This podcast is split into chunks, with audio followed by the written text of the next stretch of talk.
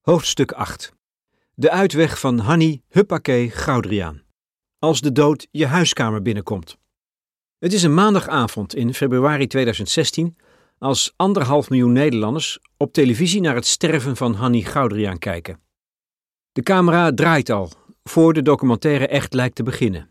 Daardoor zien we hoe iemand vraagt of Hanni Goudriaan weet wat er staat te gebeuren. Hoe bedoel je? antwoordt ze. Weet ze waarom de dokter langskomt? Oh, dat weet ik niet, zegt ze. Je wilt toch weg? vraagt een man die Gerrit heet. Gerrit is haar echtgenoot. Ik wil, eh, klaar. Nou ja, lekker. Huppakee. Zeker weten. Ja. Hanni Goudriaan is een vrouw op leeftijd met vlasdun, kort geknipt grijs haar, een verbaasde blik en dunne lippen die ze stijf op elkaar houdt.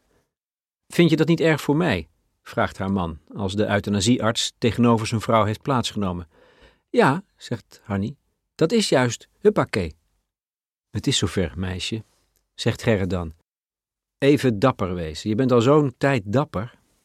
Hij slaat een arm om haar heen, zijn andere arm om haar middel, zijn hoofd op haar schouder, alsof hij steun zoekt bij zijn echtgenote.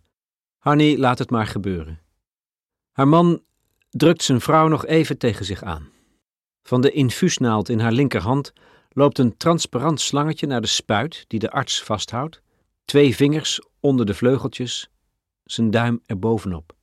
Met zijn andere hand houdt hij twee vingers van Hannies linkerhand vast. We zien zijn concentratie. We zien de gelaten, afwezige blik van Hanni, de gesloten ogen van Gerrit. Dan laat de arts de vloeistof in een ader lopen. Het is verschrikkelijk, zegt Hanni Goudriaan voordat ze, 68 jaar oud, overlijdt. Achteraf stel je vast dat de verkilling in het debat over euthanasie bij dementie misschien wel hier is begonnen. Met die verwarrende laatste woorden van Hadi Goudriaan in een documentaire die een journalistiek en neutraal beeld wilde schetsen van de levenseindekliniek, maar desastreus uitpakte. De beelden waren te rauw en te intiem. Het was te vroeg op de avond voor een film over de dood en soms ontbrak de context, die onmisbaar was als je niet van je reinste verbijstering wilde wegkijken. Dit willen we niet weten. Ook ik begreep niet meteen waarom Hanni Goudriaan wilde sterven. Zo ziek leek ze niet te zijn. Verbaasd zag ik haar in de film nog autorijden en plezier maken met het dweilorkest in het ijsstadion Tialf. Dat ze op elke vraag met huppakee antwoordde, voelde wat ongemakkelijk, maar om daar nou om dood te willen? De documentaire Levenseinde Kliniek liet niet expliciet genoeg zien dat Hanni Goudriaan steeds vaker verward was en de mensen om zich heen niet meer herkende. Dat de semantische dementie, een zeldzame ziekte, haar langzaam maar onafwendbaar haar taal afnam. Moet veel mensen zijn ontgaan. Zeven jaar eerder was het begonnen. Hanni Goudriaan vertelde haar man dat het niet goed zat in haar hoofd. Ze wist dingen niet meer, zou Gerrit Goudriaan zeggen in de reconstructie van Mout Efting in de Volkskrant. Drie jaar later, toen een neuroloog al had vastgesteld waar ze aan leed, sprak ze voor het eerst met haar huisarts over euthanasie. Hanni Goudriaan had steeds minder woorden tot haar beschikking en wist hoe dat verder zou gaan. In een wilsverklaring had ze vastgelegd wanneer ze wilde sterven. Op dat moment kende ze de woorden dood en euthanasie nog wel. Ze zei: Als ik door de dementie te veel achteruit ga, als ik mensen niet meer herken, als ik niet meer kan communiceren, dan wil ik niet meer leven, zou de arts zeggen. Het was heel helder wat ze wilde. Ze wilde gewoon niet verder met een leeg hoofd. Hij dacht lang na over die wens, maar kon het niet opbrengen de vrouw te laten sterven.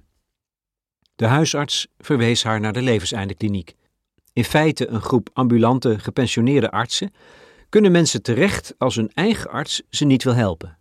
Een garantie is dat niet, want de artsen van de levenseindekliniek maken dezelfde afweging. Mag dit volgens de wet? De arts die Hanni Goudriaan uiteindelijk hielp sterven was Remco Verwer. Hij las haar wilsverklaring en sprak haar case manager voordat hij zeven gesprekken voerde met Hanni Goudriaan. Er is niets meer het is leeg. Ik kan niets meer. Ik ben alles kwijt. Ik wil weg, zei Hanni Goudriaan op een helder moment. Verder, Ze was hoe ze absoluut niet wilde zijn. Dat ze genoot van muziek of van schaatsen zag hij niet als tegenstrijdig, zei Ferwer later in de Volkskrant. Dat iemand ondraaglijk lijdt, wil niet zeggen dat hij de hele dag huilend, schreeuwend en jammerend achter de geraniums zit. Het wil niet zeggen dat je geen oog meer hebt voor een mooi moment of iets leuks. Ik heb een man gehad die na een beroerte euthanasie kreeg, maar die de dag ervoor met zijn kleindochter een ijsje at. Maar hoeveel ijsjes kun je eten? Hoeveel zonsondergangen kun je zien? Na haar dood zou de commissie die toeziet op de euthanasiepraktijk tot de conclusie komen dat Verwer zorgvuldig had gehandeld. Toch was Nederland na de documentaire verbijsterd. Dit is moord met anderhalf miljoen getuigen, twitterde de hoogleraar cognitieve neurowetenschap Victor Lamme nadat hij de film had gezien. Een dag later herhaalde Lamme die beschuldiging in De Wereld Draait Door, terwijl Verwer, die tegenover hem zat, probeerde uit te leggen dat Lamme slechts had gezien wat hij wilde zien. Dat hij en andere geschokte tv-kijkers wilden geloven dat Hanni Goudriaan met haar huppakee van alles kon hebben bedoeld. Had ze geen trek in een kopje koffie? Wilde ze misschien naar de visboer een ommetje maken? Een andere uitgesproken tegenstander van euthanasie, de hoogleraar psychiatrie Frank Koerselman, vond de gang van zaken bij Hanni Goudriaan kenmerkend voor de kille, bureaucratische werkwijze van de gezondheidszorg.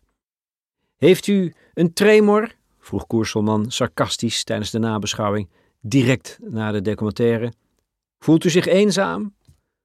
Dreigt u met zelfdoding als wij het niet doen? Dan komt de levenseindekliniek graag bij u langs. De toon was gezet. Niet alleen geharde critici als Lamme en Koerselman spraken hun afkeer uit, cynisch en zonder enige behoedzaamheid. Ook het grote publiek was geschokt. Niet in de laatste plaats doordat het op televisie had gezien hoe een arts een vrouw laat sterven. Het is één ding om je uit te spreken voor een euthanasiewet, waarmee je nog lang niet en misschien wel nooit te maken krijgt. De dood die je huiskamer binnenkomt, terwijl je net aan de koffie zit, is heel iets anders. Het is te confronterend, te heftig.